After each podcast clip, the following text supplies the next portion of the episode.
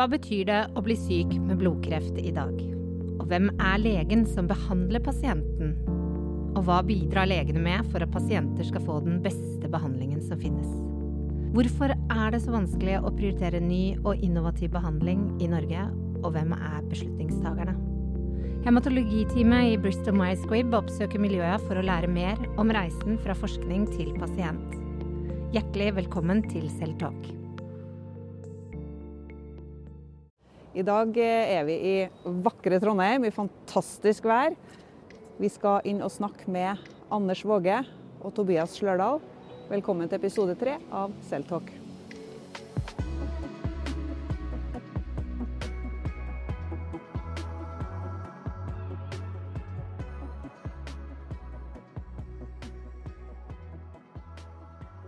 Eh, Hei, eh, jeg heter Anders Våge. Jeg har vært avdelingssjef ved avdeling for blodsykdommer i St. Olavs hospital eh, i mange år. Nå har jeg sluttet med det og er professor emeritus ved NTNU. Jeg har vært interessert i myelomatose i mange år og drevet både pasientarbeid og forskning på, det, på den sykdommen. Og er fortsatt interessert i sykdommen og fortsetter med forskning. Mitt navn er Tobias Slørdal. Jeg er lege ved avdeling for blodsykdommer og jobber med blodsykdommer. Og er forsker ved NTNU. Og det er myelomatose som er mitt spesialfelt. Da er jeg så heldig å få lov til å komme på St. Olavs hospital. eh, Og skal få lov til å snakke litt med to hyggelige hematologer som jobber her.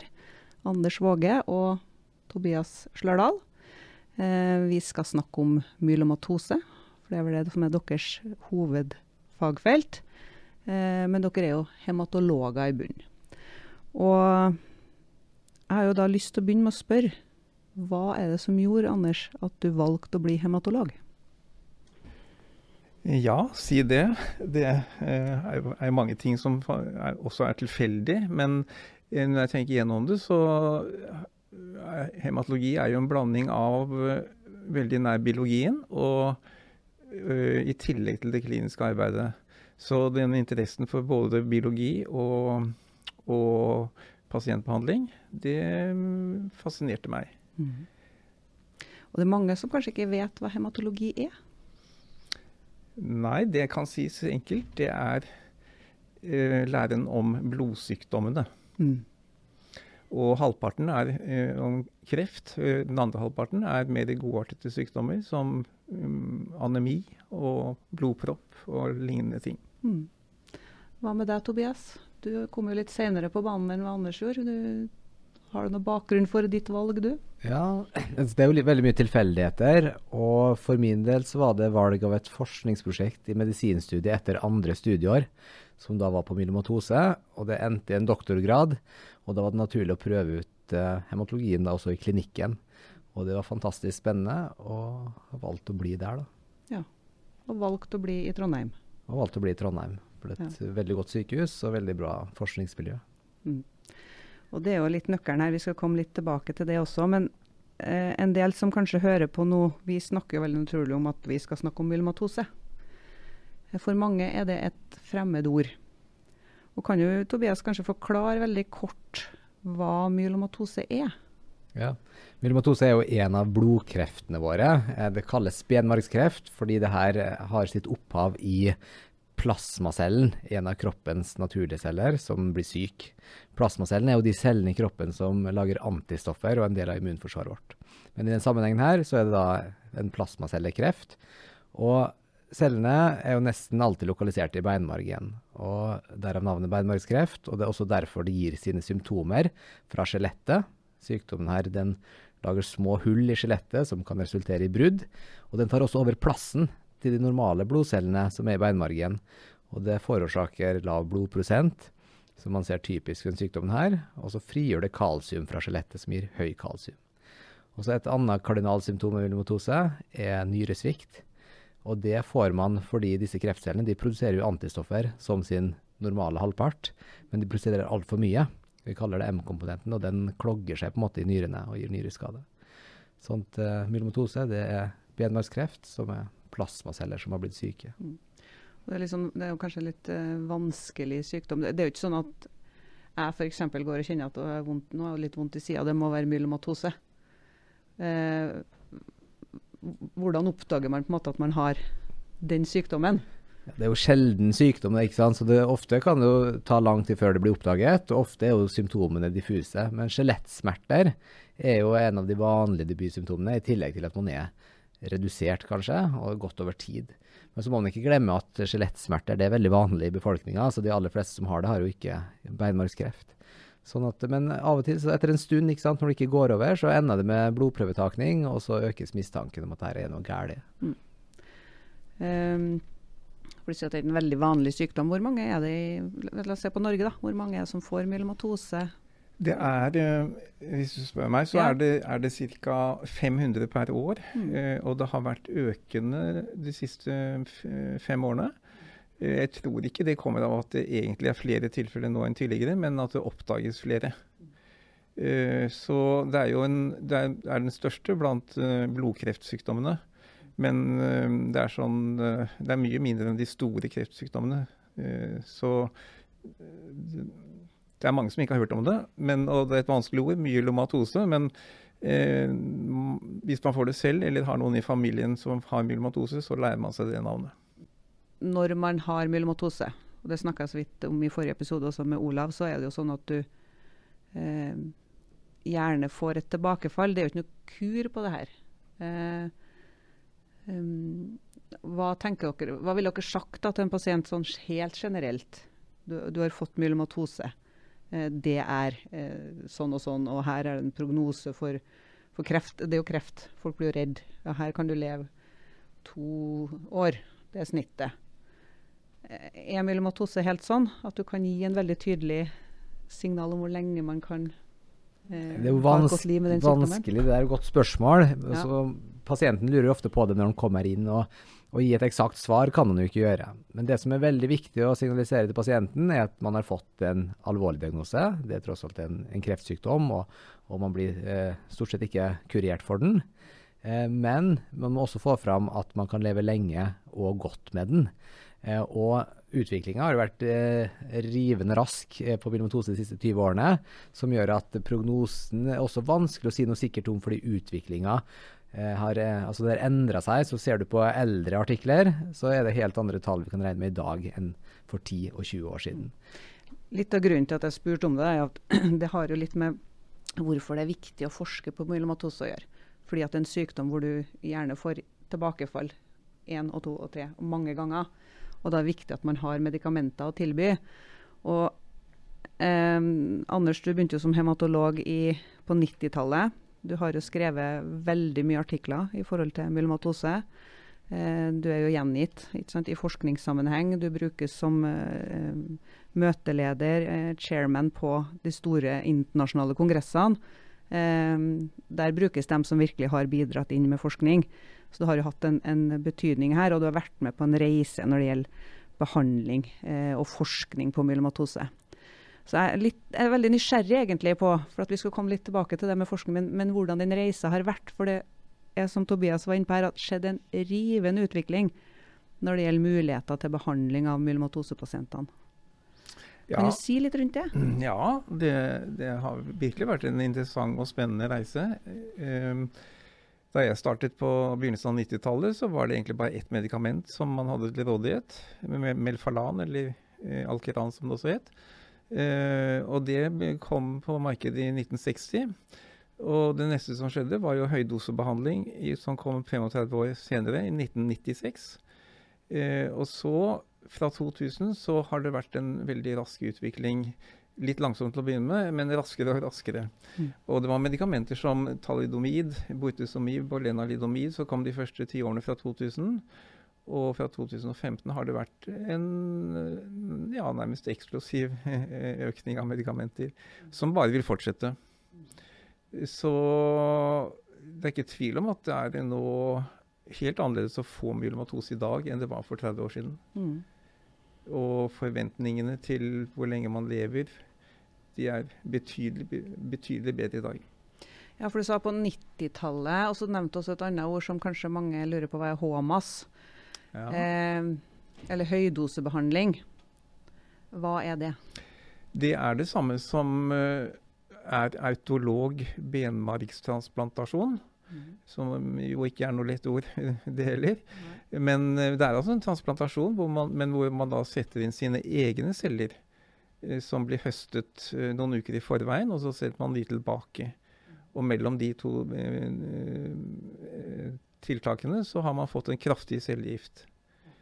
Sånn at det man setter tilbake, det, det gjør at benmargen vokser opp igjen. Og det viser seg å være en veldig god behandling som har eh, bestått gjennom hele, hele tiden fra 96. Mm.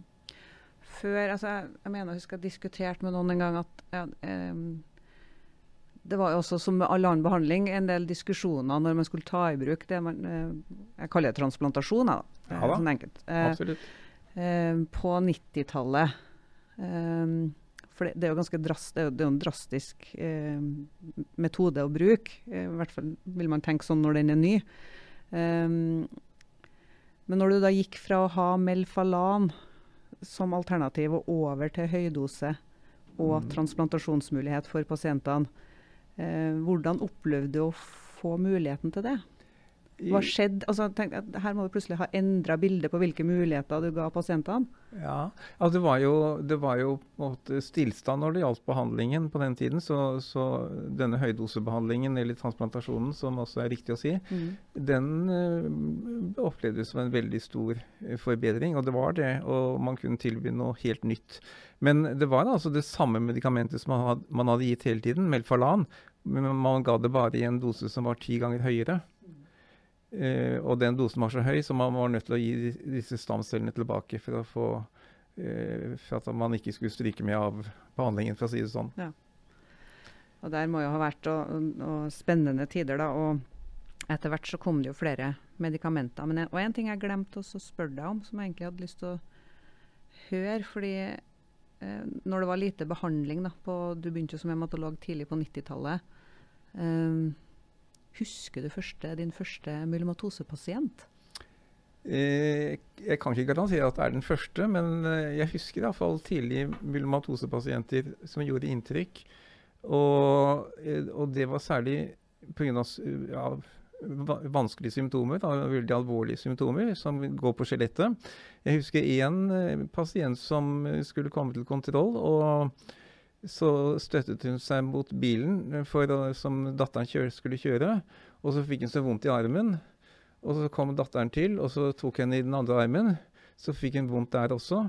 Og så viste det seg at hun hadde fått brudd på begge overarmene ved de med små tilfellene der. Og det viser jo hvor, hvor skjørt skjelettet kan bli i, ved myelomatose. Mm. Uh, og det må jeg si var en veldig ja, dramatisk hendelse, og sånn som jeg så det da. Mm. Eh, og det er, jo, det er jo mye dramatiske hendelser. og den altså, Forskninga har gjort at man har helt andre muligheter for de pasientene nå i dag. Eh, Ja, det er så den type dramatiske historier har man kanskje ikke så mange av lenger. Nei, det er viktig å si det. Ja. At, at det er, vi, ser, vi ser, opplever det helt annerledes når, når pasienter får myelomatose i dag. Men ofte i diagnosesettingen så kan det være sånne hendelser som, som fører deg på, på sykehus. da. Ja. Og Anders' historie er ikke så ulik den første myelomatosepasienten som beskrev i litteraturen, vet du, fra 1844. For det var kona til en, en, en politimann, og en sterk politimann som skulle løfte sin kone til sengs en kveld. Og da tok han henne opp og skulle løfte henne opp trappa. Og da knakk lårbeina rett av på begge sider. sånn det er på en måte en ting som har vært med den sykdommen her i, i all tid. For det er en av kjernesymptomene på sykdommen, at man får svakt skjelett. Men i dag går jo folk til doktoren tidligere, og ofte oppdages det lenge før det blir så alvorlige symptomer. Da. Det var vel også nevnt i den forrige episoden er, hvor det var uh, brudd eller smerter i, i rygg, da, hvor man blir sendt til kiropraktor. Ja. Eh, og det er jo fort gjort hvis man ikke har noen andre symptomer. Ikke sant? Eh, Og for de aller fleste er det kanskje riktig at uh, mest sannsynlig andre ting enn myelomatose. det er Ja, akkurat det. da. det, er, det er viktig å huske på det. Mm. At vondt i ryggen er Ja, ikke ja, ja. det samme som myelomatose. Nei, det er veldig viktig å presisere. Jeg, jeg må også innrømme at hvis jeg får vondt i ryggen, så tenker jeg først på myelomatose. Ja. Man blir prega. Situasjonsprega. Um, litt tilbake til det Tobias var også inne på det med at litt, altså han valgte litt hematologi på bakgrunn av at det var bra forsknings- og eh, klinikk, altså bra miljø da, i, i Trondheim, hvor du kan kombinere klinikk og forskning. og på på 90-tallet, når man var kliniker, hvordan Du, du snakka om arbeidsmengde, at man satt kanskje av masse tid. Men hvordan kunne man, klarte man å kombinere forskning og klinikk? Eh, hvordan starta den reisa der? Hva, hva, hvordan var det å få studier inn på eh, klinikken på, på St. Olav den gangen? Jeg, jeg innbiller meg oppi hodet mitt at det var litt annerledes da. For at et lite myelomatose, lite fagfelt, få pasienter, kanskje ikke så mye struktur og formalisering rundt det med Nei, det er helt, helt riktig. Det var en helt annen, annerledes virksomhet enn i dag. Det var jo ikke tilrettelagt for det, egentlig, men det var jo, oppsto jo fordi noen var interessert i det. Uh, og vi hadde også et nordisk miljø som har, vært veldig aktivt hele, hele tiden, helt siden uh, midten av 80-tallet, faktisk. Uh, på myelomatose. Hvor det har vært interesserte leger fra de nordiske landene som har møttes jevnlig og satt i gang en rekke studier. Men industrien var jo ikke inne på samme måte, sånn at det var my mye mer egendrevne studier hvor man måtte skaffe penger. Men det var, mye mindre, det var ikke noe byråkrati omkring det heller. sånn at eh, det ikke så, krevde ikke så mye uh, penger for å drive studiene. Men det var gjort på en helt annen måte. Det kan ikke sammenlignes. Nei. Så hvis du hadde en god idé til en studie du hadde lyst til å gjøre, så kunne du be om uh, jeg trenger det preparatet fra dere. Kan jeg få tilgang til det, for jeg skal gjøre en studie som er sånn. Ja. Var det så enkelt? Ja, ja, ja. Det, det var det. Mm. Ja, man fikk medisin. Det er, det er, jo noe sånn som det er nå også, for så vidt. da, men, men, det er et mye tettere samarbeid nå enn det var den gangen. Vi fikk medisinen, og så kunne vi bruke den som vi ville. omtrent. Ja. ja. Og jo, alt må jo begynne en plass. Um, og for myelomatosemiljøet i Norge, og også på St. Olav, så er det tydelig at du har vært en ganske sånn eh, viktig bidragsyter. Da. Eh, eh, noe annet da, i forhold til det med Du snakka innledningsvis om, om utviklinga og hva som har skjedd av innovative ting da, de siste, særlig de siste 20 årene. Eh, hva har det ført til da for myelomatosepasientene? Jo, det har jo eh, blitt eh, mye bedre behandling. Det er mye mer å velge mellom. Mm. Eh, og det er også, jeg syns det er viktig også å få fram at uh, pasientene lever mye lenger med det. Mm. Jeg sitter med noen kurver foran meg her, sånn, og det var en, en studie på, som vi har gjort på 10 000 pasienter i Kreftregisteret, uh, som viser altså fra Bl.a. at uh, fra 1980, hvor de registreringen går tilbake til da, så, og siden da så har jo pasienter som får høydosebehandling, de har doblet sin overlevelse. Og 70% av de som får høydosebehandling, de lever etter fem år. Uh, mens det var, tallet var halvparten på 80-tallet. Mm. Nå var jo det, 80-tallet var jo før, før høydosebehandlingen, men, men altså det var pasienter under 65 år. Mm. Og det er jo bra tall. Vi vet også at den eh, aldersgrensa for eh, transplantasjon er også flytta, så det er sikkert enda flere som får den ja, transplantasjonen. det er det. Um, Og så hører jeg meg si om den studien Anders, at eh, også de eldre, altså når de nye medisinene kom, eh, så begynte overlevelsen også å stige for de i de høye aldersgruppene. Mm. Eh, sånn at de som var Ja. over 70 og over 80 også fikk en økning fra 2000 kanskje og utover, da, Mm. fordi det kom mer tolerable medisiner på, på markedet. Ja. Altså den, den forbedringen er kommet til alle pasientgruppene, alle aldersgruppene. Eh, og det er ikke tvil om at eh, nye medisiner har eh, bidratt veldig sterkt til det. mm. Men det er nok sånn at det foreløpig største hoppet kanskje har vært da, etter den transplantasjonsbiten. da. Men Nei, jeg vil si egentlig Ikke? at det har vært en jevn økning. Ja. Når jeg ser på disse kurvene, så er det Ja. forbausende jevnt. Mm. Jevn stigning hele veien. mm. Og det er jo bra. Det er veldig bra. Ja. Det å være hematolog på 90-tallet, da, frem til nå, hva tenker du hvis du da ser det i forhold til myelomatose? Hva er den største endringa? Jo, det er jo tilgangen til medisiner. Mm. Eh, og se at det virker. Eh, og at det virker bra. Eh, vi må jo kanskje si også at det fortsatt så mangler det kurasjon. At man blir helt kvitt sykdommen. Og det er det som motiverer mye av forskningen som foregår nå. At at man prøver stadig nye kombinasjoner og, og for å se om man kan få bort den siste kreftcellen i kroppen. Eh, så vi får se hva fremtiden bringer på akkurat på det punktet. Det er litt tidlig å konkludere nå, men det får du sikkert se nærmere på, Tobias. ja, og det er jo det er jo det som fascinerer meg litt av det. Det er jo en, en voldsom arbeidsmengde man legger, legger, ned da, bare ved å være, være, kliniker. Og dere to velger jo i tillegg da å kombinere det med forskning. Eh, jeg antar at det ikke er noe sånn 37,5 timers uke eh, på dere. Eh, for dere brenner jo for dette her. Eh, men hva tenker dere er viktig da i det her å, få lov til å kombinere det med forskning og klinikk? Hva er det som driver dere til den biten der, Tobias? Driften må jo være interessen. Altså, ja. det er gøy å jobbe med, mm. med, to sider av samme sak, da, egentlig. Altså, det som er hovedaktiviteten, vil jo alt være i klinikken. og møte pasientene, behandle de.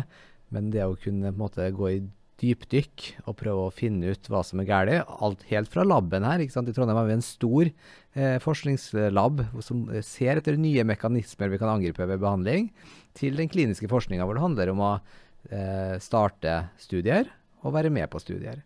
Og på den kliniske delen er det veldig viktig for pasientene ikke sant, å få vært med på kliniske studier, hvor de da får tilgang til medisiner som de ellers ikke vil ha tilgang til da. Altså de kan få en ekstra behandlingslinje.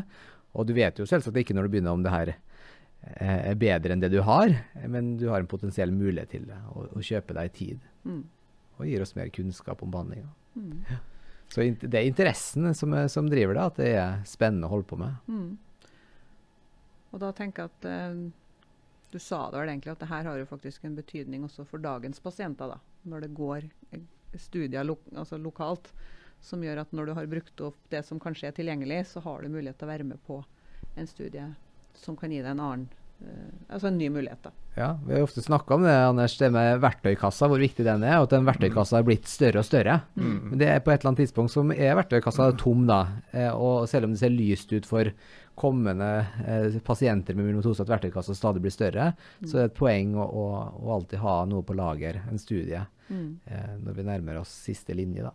Ja, For det må jo være en enorm forskjell, for du snakka om på 80 overgang til 90 så hadde man Melfalan. Mm.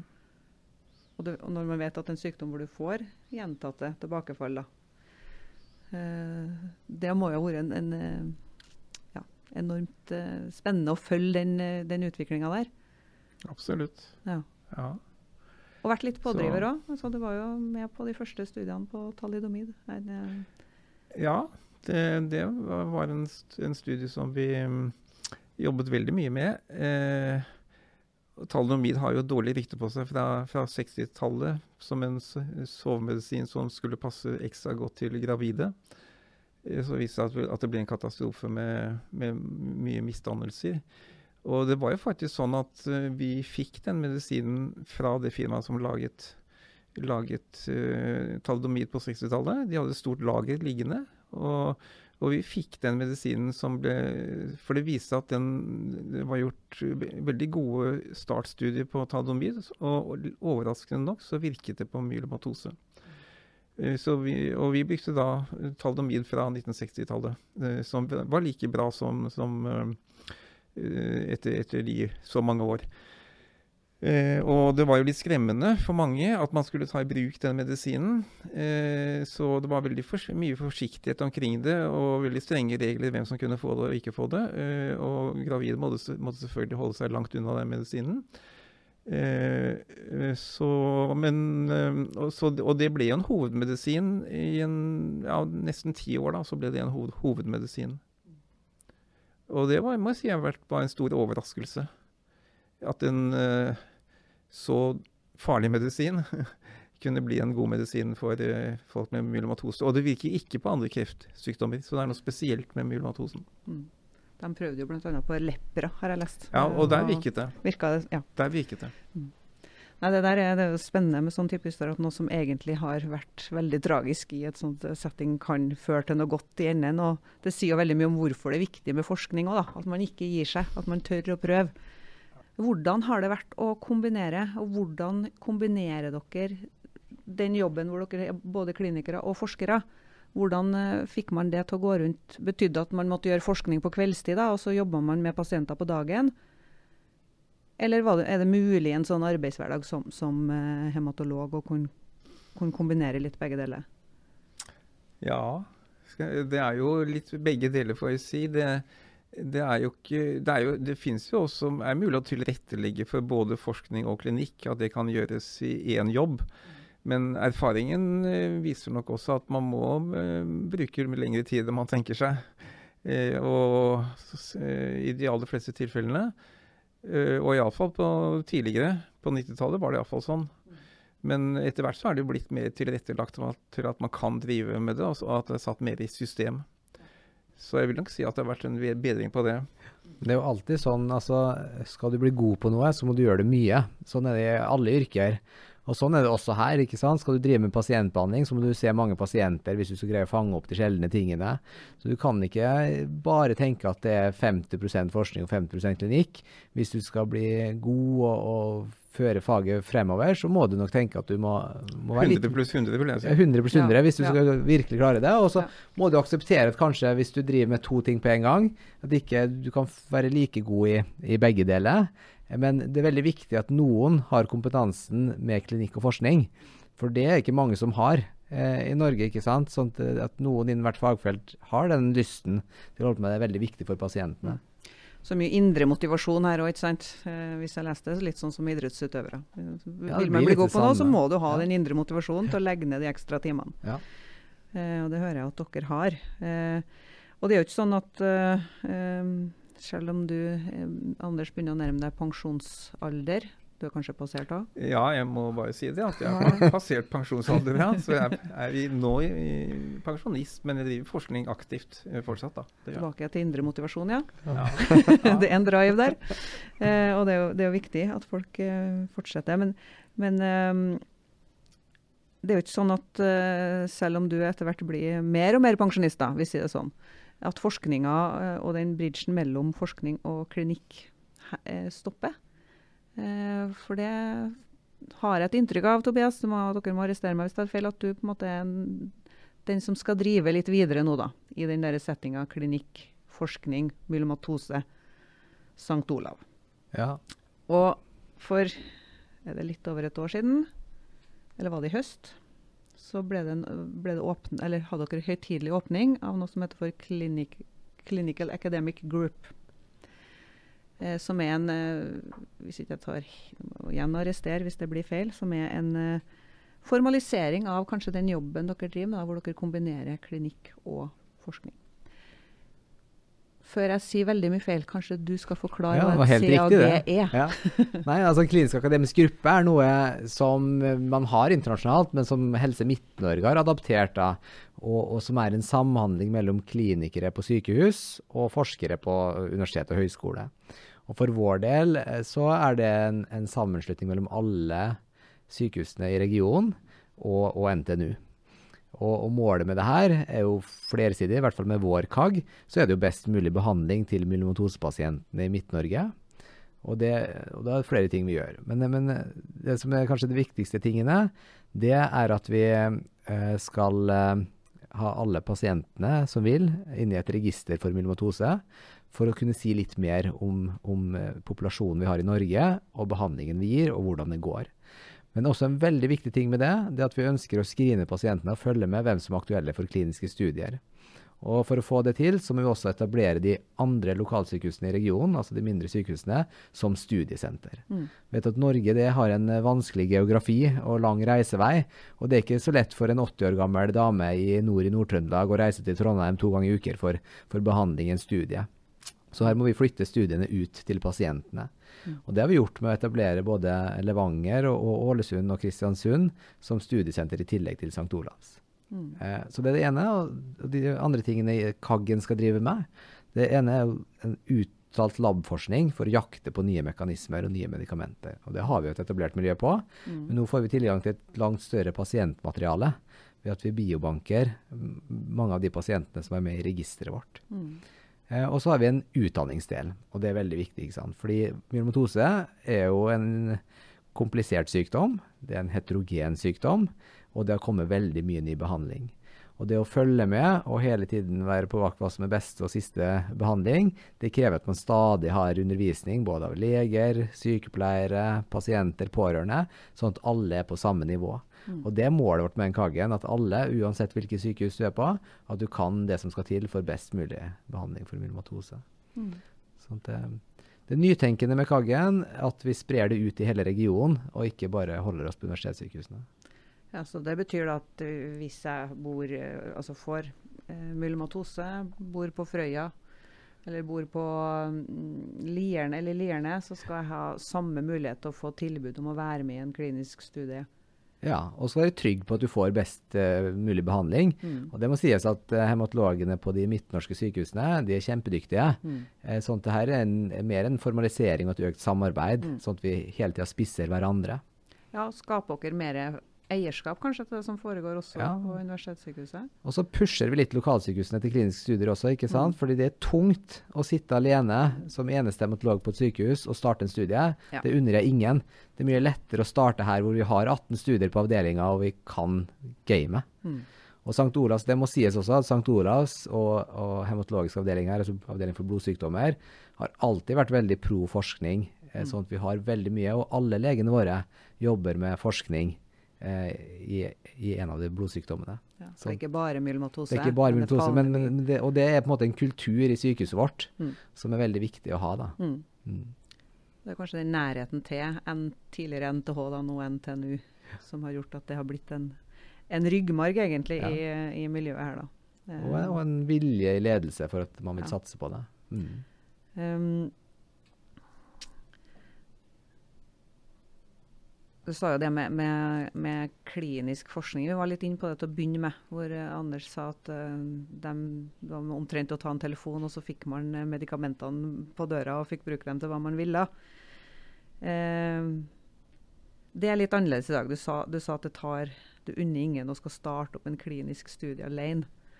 hva tenker du altså Indirekte så sier du at gjennom et KAG kan det være lettere å tiltrekke seg kliniske studier. Men, men for å forklare en som ikke er inne i miljøet og vet så mye om kliniske studier, hva, hva, hva er det som kreves da, for å få ja. tilgang til en klinisk studie? Altså, kliniske studier har jo sitt opphav på forskjellige steder. Eh, og, og, vi har studier som vi har gjort helt selv. Mm. Så vi hadde akkurat fullført en fase 1-studie eh, her. Og da gjør du nesten alt sjøl. Og så har vi studier som opphav i akademisk samarbeid, f.eks. som det samarbeidet vi har hatt i Norden siden 80-tallet, og laget gode studier i den nordiske myelomstudiegruppa. Og så har vi firmastudier. Mm. Og, og, alle de studiene, altså Man må være på alle arenaer for å sikre at man har tilbud om studier. Og innen myelomatose har vi vært heldige. For det, har, det, er så mye som skjer. Det er tilbud om studier hele tiden. Sånn at uh, Men du må da altså det, du må sikre at du har nok pasienter. Mm. Det bidrar jo Kaggen til. ikke sant? Vi øker pasientgrunnlaget vårt til at også de Namsos kan være med. og Da får vi flere pasienter som vi kan ha inn i studier. Og så må du ha eh, nok folk til å hjelpe deg med å starte opp, for du gjør ikke alt alene. Du er avhengig av dyktige forskningssykepleiere, du er avhengig av en dyktig lab, du er avhengig av postkontoret, du er avhengig av kontraktskriving, du er avhengig av regnskapsavdelinga. Så det er veldig mange som skal inn i en klinisk studie. Og Første gang man gjør det, så er det litt tungt. Etter hvert så lærer man det som å spille fotball. på en måte det, ja. det, det, flyter lettere og lettere. Men de har nok blitt betydelig tyngre enn det var på 90-tallet. Da er jeg sikker på at eh, papirarbeidet var en, en brøkdel av det i dag. Ja. Og det skyldes jo regelverk og godkjenninger og ting som har kommet inn. Ja. Kan vi si at Mye syns vi er unødvendig byråkrati, men så er det også mye viktig regelverk som må følges, og som er viktig da, for, for at forskninga skal bli god. Det er jo, det er jo det er nok en bedring totalt sett, tenker jeg. En bakgrunn for at man har der. Um, jeg vil si at Det er fabelaktig viktig, det arbeidet som du har gjort med, med, å sette i system hele regionen og organisere det. For det er veldig mye organisering innen forskning også. så ja, Arbeid som er ganske tungt å, å gjøre. altså Få det i system og, og samle både, både, alle de kliniske opplysningene, ikke minst. Det er jo en kjempejobb. og i løpet av få år så vil jo det bli veldig viktig informasjon som, som brukes i forskning. Ja, det er to ting jeg har lyst til å spørre litt mer om. Du snakker om biobank. Hva er en biobank? Vi har biobanken. Ja, altså Biobank er jo at vi samler biologisk materiale fra pasientene våre. Og i, i, i Biobank for myelomatose, for å drive forskning på myelomatose, så er det to viktige ting. Vi må ha blod, og vi må ha benmarg. For benmarg er en kreftcelle ned. Mm. Og når vi finner nye mekanismer i, i kreftcellene på laboratoriet, så må det verifiseres i, i ekte kreftceller fra ekte pasienter Mm. for å si om det er liv laga det her nye medikamentet vi prøver ut, eller noe sånt. Mm. Og Det gjør du da før du tar det til, til dyrestudier og senere menneskestudier. Så biobanken, og det handler om å ha nok med prøver, og på flere tidspunkt i et, et behandlingsforløp. Så I denne eh, kaggen så er målet da å samle fra alle i Midt-Norge ved diagnose, også på gjentatte tidspunkt i pasientforløpet. Så ved tilbakefall, og ved kanskje fjerde tilbakefall, da, og litt regelmessig. Så da kan dere gå også tilbake i tid da, og hente inn eh, Ja, materiale fra, fra fra, fra, fra 90-tallet. Ja, og biobanken, Anders begynte jo den biobanken egentlig eh, fra, fra, på, på. på 90-tallet. Og det er jo kanskje en av de eh, sånn innen innen, eh, hematologisk kreft, en av de største biobankene i Norge som er samla lengst og har et veldig stort materiale, ikke Anders? Jo, jeg tror det. Det er, det er jo 1000 myelomatosepasienter i biobanken, altså celler fra pasientene Mm. i, i biobanken nå. Og det har vært samlet fra midten av 90-tallet. Og da er det jo et historisk materiale som ligger der, som dere sikkert kan finne. Ja, ja, og vi bruker det hver dag. Ja. Det brukes veldig mye. Mm. Så det er veldig viktig. Og det, og det pasientene våre, de er jo eh, alltid interessert, ikke sant. Når vi først skal stikke de, så, så er det veldig sjeldent i, i vårt område i hvert fall at noen pasienter ikke syns vi skal gi celler til forskning. Og det er veldig viktig for å drive forskninga fremover. Mm. Og så nevnte du også noe med nordisk samarbeid. Det, det burde vi egentlig også fått frem litt i forhold til jobben du har gjort. Da. Anders, du har jo vært leder også der. Ja. I den, mm. det, det vi for, forkorta til NMSG. -hmm. altså, det heter for Nordic Myeloma Study Group. Ja, på engelsk så heter På engelsk heter det og, vi, ja, og på norsk kaller vi NMSG. Ja. Men der har du vært leder eh, i hvert fall én, kanskje flere runder. Litt usikker. Ja, i en runde på tre år. Ja. Mm. Det går jo på Eh, omgang mellom landene, da. Ja. Hvor viktig er den type samarbeid, da? Nei, det har vært uh, et veldig bra sted å arbeide, syns jeg. Uh, mm. For folk som har vært interessert i forskning, så har det vært et uh, veldig hyggelig og produktivt samlingspunkt. Så, og, ja, så man føler at man arbeider med, i et større miljø. Og, og det har vært en veldig, veldig bra ting å holde på med. Mm. Da- Og den eksisterer jo fortsatt, og Tobias er med i styret der nå. ja, Blir ja. sikkert leder en gang, eh, det er jeg helt sikker på. Ja, ja. Det, Ja, men det er Det jeg trua altså, det å kunne være samles, i en sånn, altså samles med likesinnede i andre landet har mye å si altså, for, å, for å, lysten til å drive med det her. At man ikke sitter alene og kunne planlegge studier sammen. Det er gøy, altså. Ja, så er det sikkert viktig, altså, i og med at eh, myelomatose ikke, he- heldigvis da, skulle jeg si, ikke mm, har så mange nye tilfeller hvert år, så er man kanskje avhengig av et samarbeid for å få nok materiale til å kunne skrive noe om forskninga si òg. Um, og, og, og dere samarbeider, altså Den nordiske gruppa samarbeider vel også med eh, andre grupper rundt i Europa? Ja, det er et- franske og nederlandske? ja. Det er jo sånn myelomatosegrupper i alle de, veldig mange land, alle de store landene, også mange mindre land. Mm. Og det er et internasjonalt samarbeid. Eh, European Myeloma Network f.eks. Og sånn at eh, og det kjøres studier i, i Europa. F.eks. så har vi med, var det en studie som vi var med på hvor det var samlet 1500 pasienter. Den startet i 2010 og ble ferdig nå. Eh, etter ti år tok det å, å komme fram til å avslutte studien og få resultater. Og det viser jo også litt hvor tungt det er, egentlig. Det tok ti år, faktisk. Ja, og det er sånn Og- fortsatt at de, hvis du skal kjøre en virkelig stor fase 3-studie akademisk, så er European Myeloma Network kanskje det riktige stedet å gjøre en sånn studie. Hvor du har med de fleste europeiske landene med. Ja. Altså Norge blir for lite, Norden blir for lite, Europa blir eh, da ja, riktig størrelse. Mm.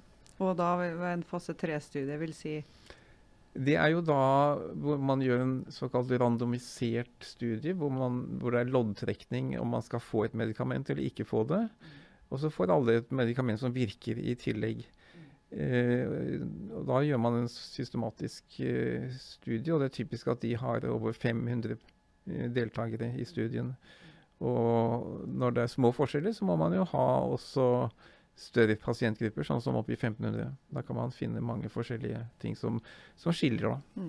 Og kliniske studier de deles jo ofte inn i faser. Da. Det er fase 1, fase 2, fase, Og fase 3 3 ja. og fase 4. Mm. Hvor fase 2 da ser man mer på hva tolererer man av dose. Og så fase 3 er ofte en sammenligning mellom det man har av standardbehandling. Ja, vi kan si at Fase to også ser litt på effekt. På Eh, og effekt. fase én er mer for å finne dose og, og, okay. og toksisitet. Men, Ja. men eh, toksisitet er viktig å se på, altså hva man tåler hele veien. Da, Ja. Også i fase tre-studier. Mm. Mm. Det er litt, litt viktig at man vet hva en fase tre er. Ja. Ja. Litt så enkelt. Ja, Jeg visste nå ikke. Jeg sitter og leser studiet. fase 1 er det enkleste, og fase 3 er det største. Ok, da har vi oppklart det. Eh, det har vært veldig hyggelig eh, å få lov til å prate med dere. Eh, før vi avslutter, så tenker jeg at har dere noe brenn for å vil formidle i forhold til, til den jobben dere gjør i dag? Er det dere tenker er viktig for, for årene fremover når det gjelder eh, forskning og klinikk? Eh, er det noen drømmer dere har? Jeg tror det som er viktig for, eh, for forskninga, det er at den har forutsigbar finansiering. Mm. eh, Og, at vi på en måte, og handlingsrom, da, at vi får, får jobbe med det. Mm. Eh, og, og der har man nok noe å strekke seg etter, med i hvert fall langsiktig finansiering. Mm. Eh, sånn at, eh, men ellers så syns vi det går veldig bra. Vi. Det Ja. går framover for millionpasientene, og det skal pasientene vite. Og at det kommer veldig mye bra. Eh, sånn at eh, får man diagnosen i dag, så, så har man en, en, en lys fremtid som pasient, sammenligna hvis vi går tilbake til, til 90-tallet og tidlig 2000-tallet. Mm. Tobias, eh, du har jo valg, tatt det valget med å bli hematolog og kombinere forskning og klinikk. og Det er jo noe Anders har gjort i mange år. Er sånn at Anders har bana litt vei for den jobben du nå har tatt på deg i forhold til å fortsette med forskning og klinikk, og formalisere det inn i den Clinical Academic Group? Ja, helt klart. Altså, det å, vi begynner jo ikke i et vakuum. Jeg fortsetter bare på Anders sin jobb. Og han har bygd en veldig god infrastruktur for myelomforskning i, i Trondheim. Sånt det har vært veldig viktig. Men kanskje det som er aller viktigst, det er å sette Anders opp igjennom og den entusiasmen han har for å drive med myelomatoseforskning og klinikk. Mm. Den gleden i jobben. Og det er det som måte kanskje frister mest, Mm. og, og som har dratt meg videre inn i hematologien og inn i forskninga. Mm. Og det er jo viktig, og det er jo sånn at du har jo den indre motivasjonen og heller jo på fremdeles med litt forskning. Hva, hva slags forskning er det du, du driver på med for tida, som gjør at du Ja, velger er å fortsette? Det må kanskje si at uh, det er en del studier som har tatt veldig lang tid, Mm. som er i ferd med å sluttføres. Eh, Jeg nevnte én som, som hadde tatt ti år, og jeg har flere som har tatt ti år. En, eh, en, en studie som går på sekvensering, faktisk. Eh, Det var et prosjekt som startet omkring 2011 med Norsk kreftgenomsekvenseringskonsortium. Eh, som vi var en del av eh, pga. biobanken, som hadde celler som kunne, eh, kunne brukes i sekvensering. Så, så vi bidro med en, en, mange pasienter i, den, eh, i en studie på det. Og den er nå faktisk nå blitt ferdig og i ferd med å bli publisert. Det, og det har vært kolossalt mye arbeid. Og det har eh, jeg har fått innblikk i en verden som eh, ja, var delvis ukjent for meg før, men eh, som er uhyre komplisert. Eh, altså når man kommer ned på mikronivå i cellene, og på DNA-nivå, og, og forskjellig og sekvensering og mutasjoner og slike ting. Og jeg må bare si at eh, man forven vi forventer kanskje at man skal finne en slags løsning på kreft, årsaken til kreft når man går, går ned på det nivået. Og man kan være heldig å gjøre det, men det, det er ikke det som er, resultatet på myelomatose. Er, man har ikke funnet noe mer, og vi er ikke alene om det.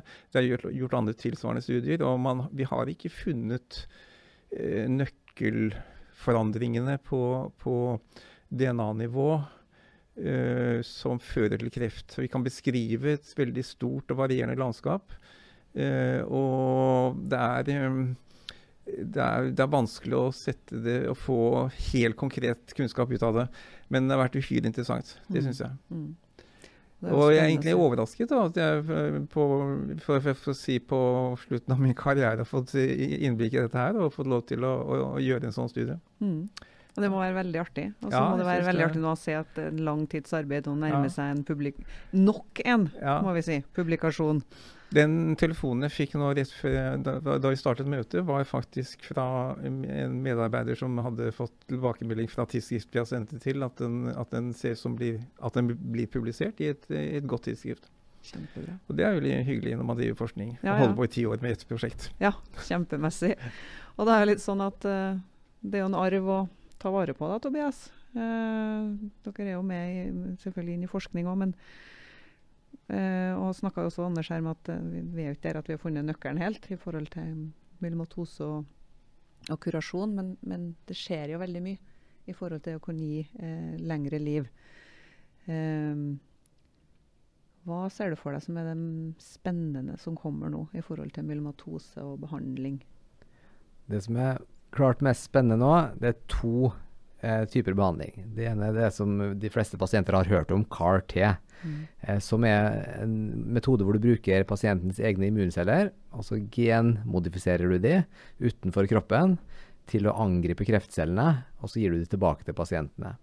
Det har vist seg å virke veldig godt på pasienter som har prøvd det meste før. Eh, og der er det mange slike CAR-T-produkter som er på vei inn på markedet. Og så har du en enda større gruppe som et enda enklere prinsipp, og det er de såkalte bispesifikke antistoffene. Og de virker litt på samme måte, men du, ikke, du tar ikke ut pasientens immunceller. Du gir et antistoff til pasienten som på den ene siden binder til kreftcellene, og på den andre sida binder til immuncellene. Og på den måten så får du en, på en måte et immunmediert celledrap av kreftceller. Og der også er det kjempegode resultater. Og her er det 15 medikamenter under utvikling, sånn at det er mye på vei. Eh, så det er kanskje de to mest spennende. Og så må man ikke glemme at det finnes mange andre typer medikamenter som også er utprøvning. Og jeg pleier ofte å si til pasienten at det er 450 pågående myelomotosestudier i verden. sånn at det er mange, og Selv om kanskje bare 10% blir en suksess, så er det 10 kjempemye. Eh, det kommer mye nytt. Og det er jo betryggende. Det har vært en enorm innovasjon på myelomatosefeltet i løpet av de siste 30 årene, men det er ikke ferdig ennå. På ingen måte. Det skjer masse. Mm. Tusen takk for praten, begge to. Bare hyggelig. I like måte.